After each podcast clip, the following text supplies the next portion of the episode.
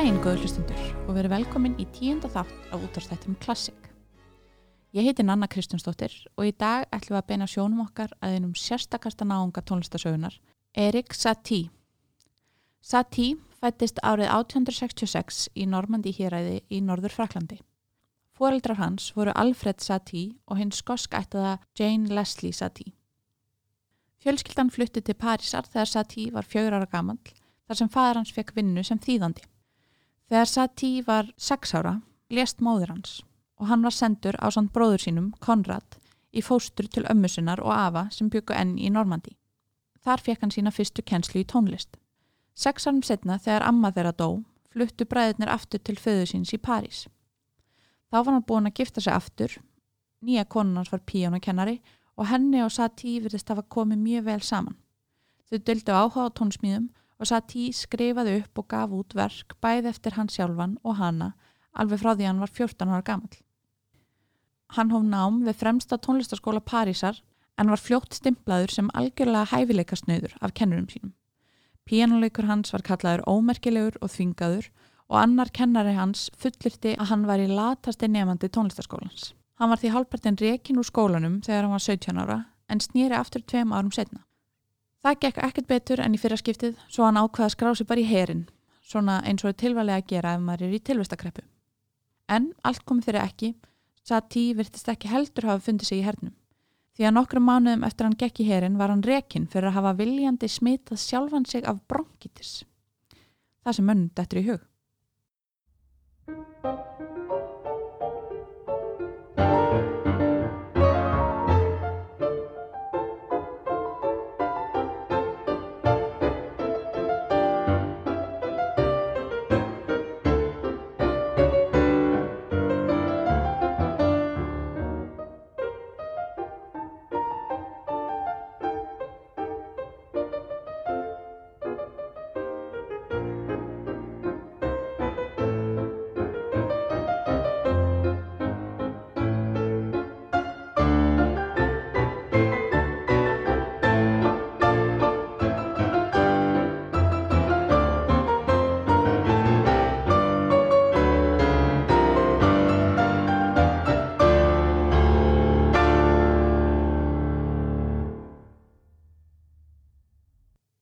Eftir mislukkaðan feril í hernum ákvað Satie að gefa listamannalífinu annan séns og flutti 21 ás í íbúð föður síns í Montmartre í París.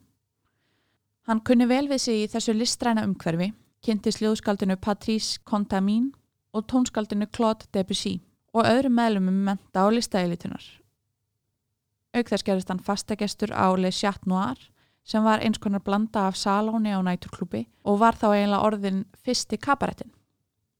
París var alveg jafn mikil ef ekki meiri söðurpottur lista og menningar árið 1887 og hún hafði verið rúmum 50 árum áður þegar góðkunningi okkar Fredrik Chopin kom þangað fyrst í leita fræðu frama. Það verið þessu andrumslofti sem Satie fór að semja tónlist fyrir alvöru. Það hefði verið áhuga mál hjá hann til þessa en viðbröð kennara hans í tónlistarháskólanum hafa eflaust ekki virka hvetjandi á hann.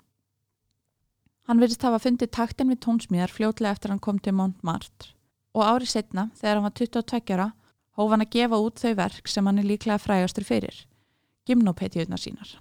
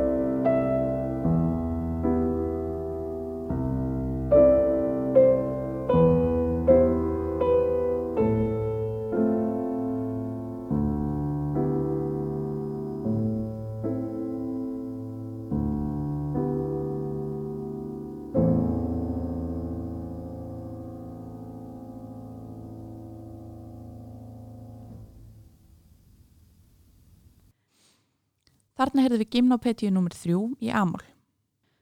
Það var ekki fordæmi fyrir því að nefna tónverk gimnopedíu svo verkið skar sig úr áður en að hlustandin svo mikið sem heyrði það. Ekki er vita með vissu hvaðan Satí fekk hugmyndina að nafninu sem er upphaflega nafnið á fortgrískum dansi en sumir telja hann hafi fengið þá ljóði vinar síns áðurnemda Patrís Contamín. Aðrir telja hann hafi einfallega rampað á það í tónlistarorðabókinni La Dictionnaire de Musique þar sem gymnopedia er skilgreint sem nektardans við tónlist sem ungar spartverskar megar dansuð við sérstök tilefni. Þeir félagar Patrís og Satí hafa allavega verið frekar heitlaðið af þessu konsepti, hvaðan sem þeir fenguða. Alls samti Satí þrjár gymnopedjur og af þeim er svo fyrsta svo langvinnselasta. Það er mitt educated guess að það hafi ekkert klassíst stef verið notað í jafnmarkar auðlýsingar og þetta stef. Svo oft að sömur unnendur klassískar tónlistar veltaði fyrir sér hvort það sé búið að eiðilegja stefið með því að ofnota það. Þegar tónskaldið Philip Glass var spurður af þessu, sagði hann að það var ekki spurning, það er þið allt í lægi með stefið. Það eina sem er hægt á að gerist er að við eiðilegjum geta okkar til þess að hlusta það og kunna meta það. Lægið heldur gæðum sínum og verður anþá jafn einstaklega fallegt, melankólist og dölufullt fyrir komandi kynsluður sem eiga eftir að kynast í. Fyrir mína parta þá fæ ég enn gæsa húð þegar ég hlusta á það sama hversu oft ég heyrði það í knorr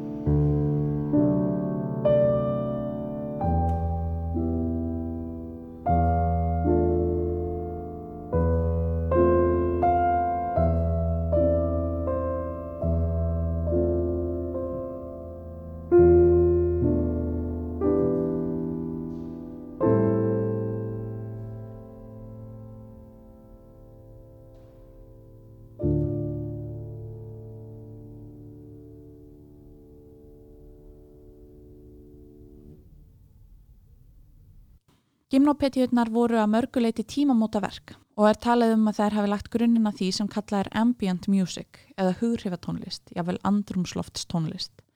En frægir tónlistamenn sem fylgja þeirri stefnu eru meðal annars Brian Eno og Afex Twin. Fræðarsól Satie reys hátt á þessum tíma. Ekki síst þar sem Debussy sem hafði þegar náðu töluverðum vinsaldum sem tónskáld hjálpaði honum að koma sér á framfæri. Jákvæðar viðtökur á gimnopedíunum kvöttu Satie til að semja meira og árið 1890 samtan Gnossíenunnar sínar sem voru líkt á gimnopedíunar samansamt frekar stuttra píjónaverka sem voru um margt einstakar á sínum tíma. Orði Gnossien var nýjörði í fransku sem Satie fann upp á sjálfur og ekki er vita nákvæmlega hvað það þýtti fyrir honum. Það gæti þó verið tengtu Knossos á Krít og þeirri fornu síðminningu sem fannst þar mörgum þúsaldum fyrir Krist. En það myndi tóna ágætlega við forngríska þemað á gimnopedíunum. Við skulum heyra hér fyrstu Gnossienuna sem kom út árið 1893.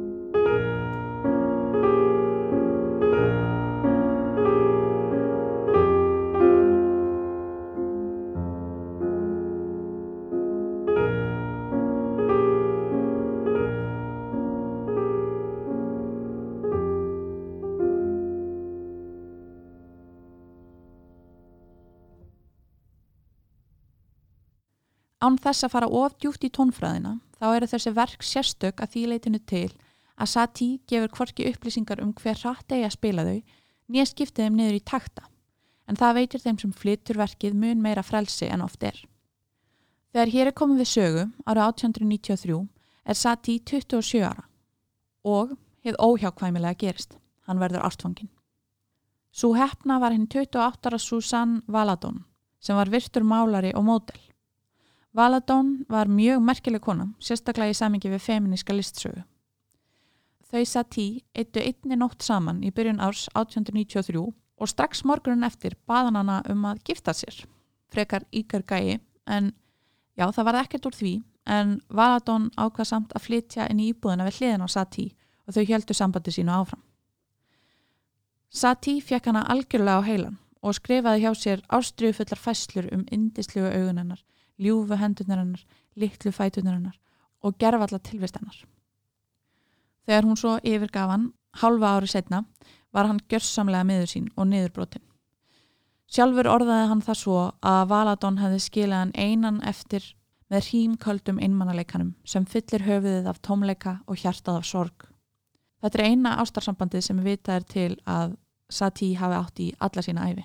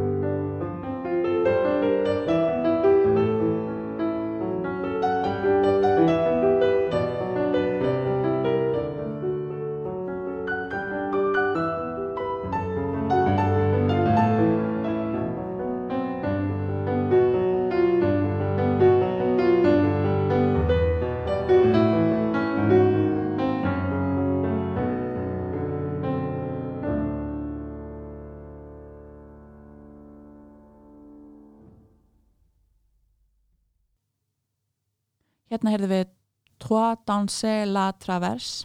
Ég minni þá sem að ekki vita að ég var í Þýsku í menturskóla, ekki fransku. Sem Satie samti í kringum árið 1897. Hlutarverksins eru þrýr og þeir heita í fyrsta lagi Skoðaðu það vel, í öðru lagi Áfram og í þriða lagi Aftur. Það er greinilegt að Satie hefur verið í einhvers konar uppnámi eftir að Valadón fór frá honum Þegar í lok árs 1893 hendi hann í öruglega eitt mest cursed verk tónlistarsögunar, Vexations eða Vexation, sem er ein rúmlega einnar mínutu launglælina sem er alveg einstaklega ómelodísk og óaðgengileg sem spila á hvorki meirinni minna en 840 sinnum í rauð. Við skulum heyra hérna þessa frábæra lælinu.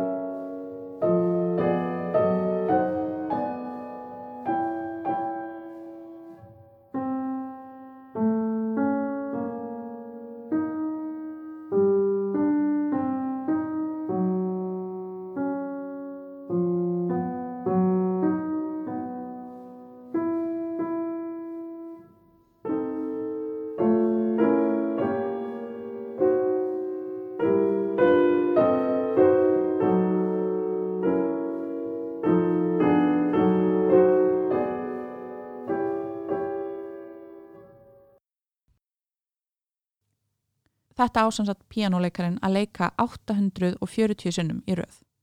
En það tekur eitthvað á milli 14 og 18 klukkutíma. Þetta verk hefur verið gefið út í heilsinni og er á Spotify en ég mæli alls ekki með því að þeir hlustu á plötuna. Eh, þið gæti mist vitið. Hver er eiginlega tilgangurinn með verki eins og þessu? Verki kom ekki út fyrir hann að satt í lést Einu upplýsingarnar sem við höfum frá honum eru skilabóð sem hann skrifaði á nóturnar sem voru á þessar leið.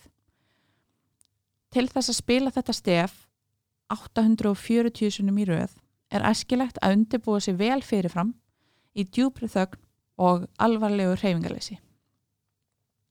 Jáhá, þar hafið það. Hægtar ímyndur sér að verkið hafi verið einhvers konar þjálfun í þólunmaði. Þetta var samt langt frá því sérfiskulegasta sem satt í datt í hug en meira en um það síðar. Árið 1896 neittist Satie til þess að flytja úr hennu fína og spennandi hverfi Montmartre í útkverfi Parísar, sögum stöðugt vestnandi fjárhástöð. Hann hófa að vinna fyrir sér sem píjónuleikari á kabarettum og spilaði þar inn á milli lög eftir sér sjálfan. Þar á meðal var þetta hér sem var líklega það vinsælast af kabarettlögunum hans.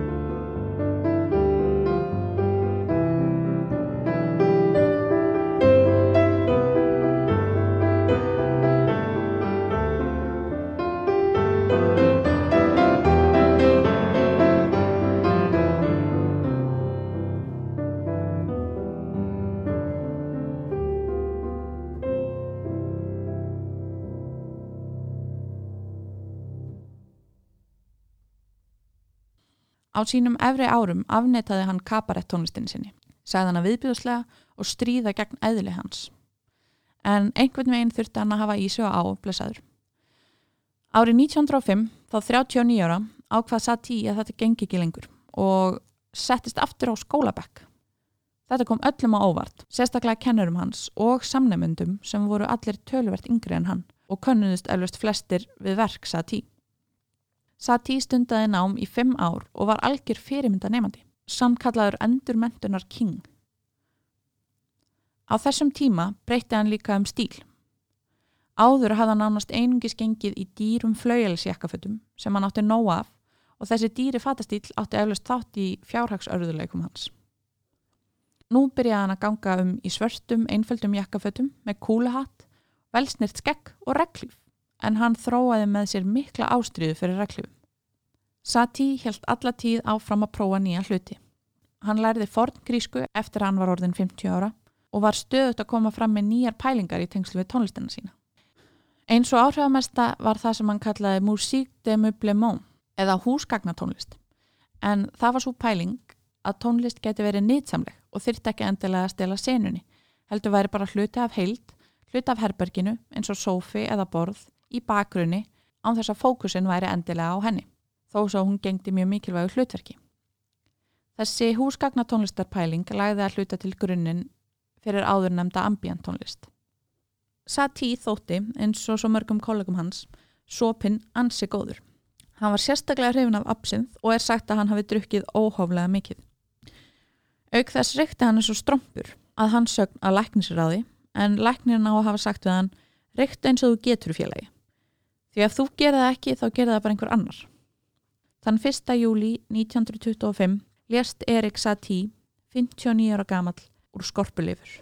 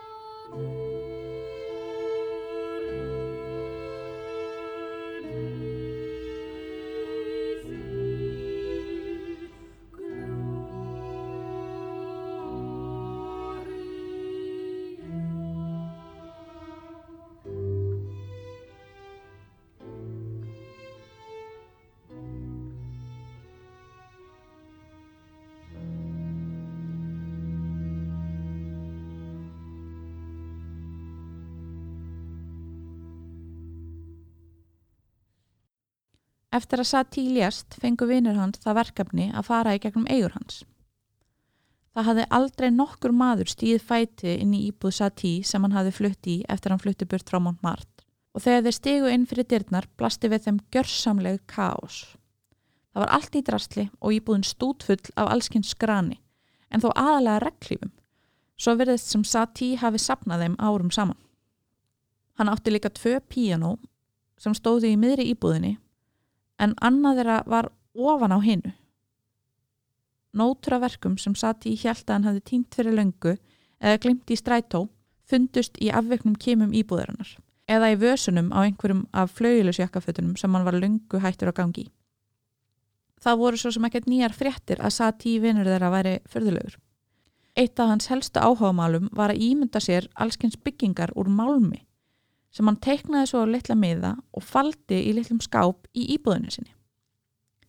Hann gerði sér það svo að leik að sendi nafnlausar smáauðlýsingar í lokal dagblöð þar sem hann auðlisti húsin, til dæmis kastaláur blíi, til sölu eða leigu.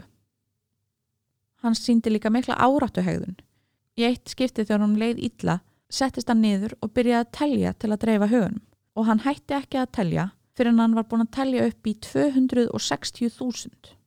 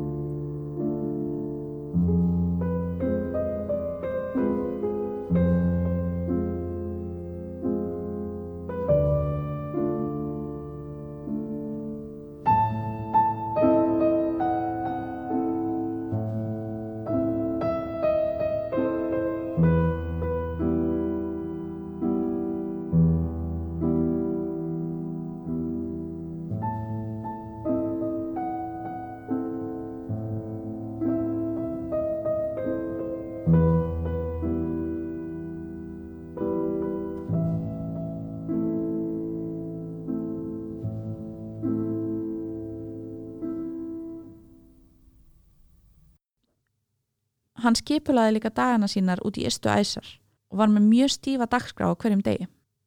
Á tímabili var dagskráin svona.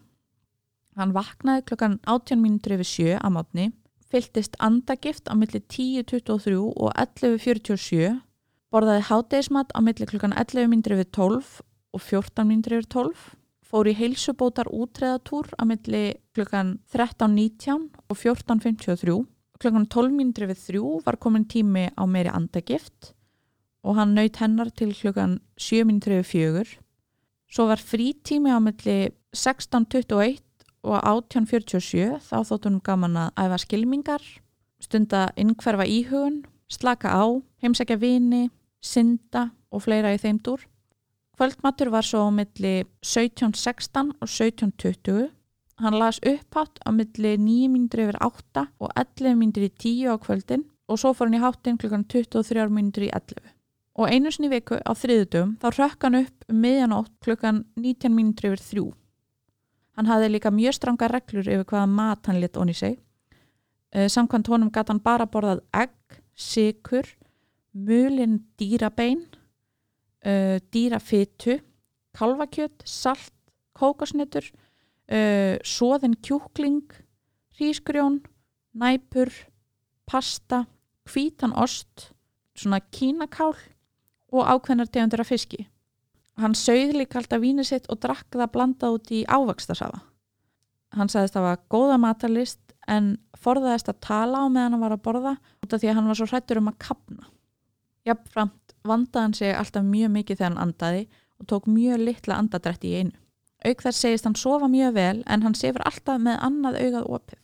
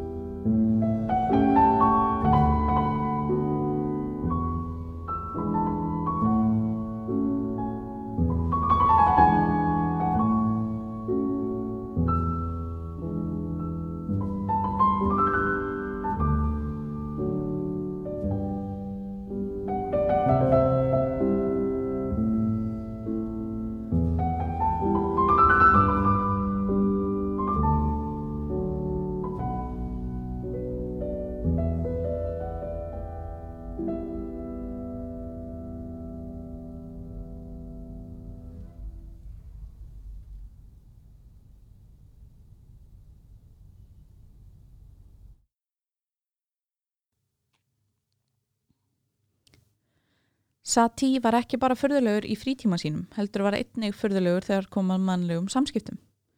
Samband hans við bróður sinn, Konrad, er gott dæmi um það, en þeir voru langt frá því að vera nánir. Þegar Konrad misti konuna sína langt fyrir aldur fram, ákvað Sati að gera það rétta í stöðinni og mætti í gerðaförunarnar. Eftir gerðaföruna stakk hann svo upp á því við Konrad að þeir bræðurnir myndi að hans kíkja út á lífið. Konrad sagði náttúrulega bara, uh, nei, ekki séns í helviti, ég var að jarða konuna mína. Þá var Sati alveg sármóðgæður og spurði Konrad hvort að hann ætlaði virkilega ekki að koma með sér á barinn þar sem Sati hefði gert sér ferð alla þessa leið frá París til að hitta hann. Það endaði með því að Sati fór einn á barinn og þeir bræður töluðu valla saman eftir þetta og Sati var ef eitthvað er móðgæðri aðilinn. Sati gekk líka alltaf um með hamar ef skekkinni að hann þurfti á hann að halda, maður veit aldrei. Hann stopnaði líka sín eigin trúabröð sem voru kallið The Metropolitan Church of Art of Jesus the Conductor á ennsku og hann samti töluvert að trúarleiri tónlist fyrir þá kirkju. Sati var eini meðlumur kirkjunar. Þó svo að Sati hafi verið dálítill förðufögl, þá var ekki annað hægt en að dást að frumleika hans og sérvisku. Á tímum storra kalla á borðum Maler, Brahms og Bruckner sem tóku sig allir voðalega alvarlega mætti þessi franski fyrðufugl og hristi all hressilega upp í hlutunum. Hann var líka alveg einlegur listamæður. Það eina sem skiptan máli var tónlistinans. Hann nálgæðist tónlistina á næstum fræðinlega máta og talaði oft um að hann hefði meiri auðnun að því að mæla tónlistina og rannsaka hana fyrir ekkar hann að semja hana. Hann sá heiminn á óvinnulegan og öðruvísi máta og rutti veginn fyrir byltingakendari stefnur í listum á borðu minimalisma og avantgard. Það má kannski segja að hann hefði verið aldrei kannja í síns tíma. Algjör nöttari en ómetanlegu snillingur.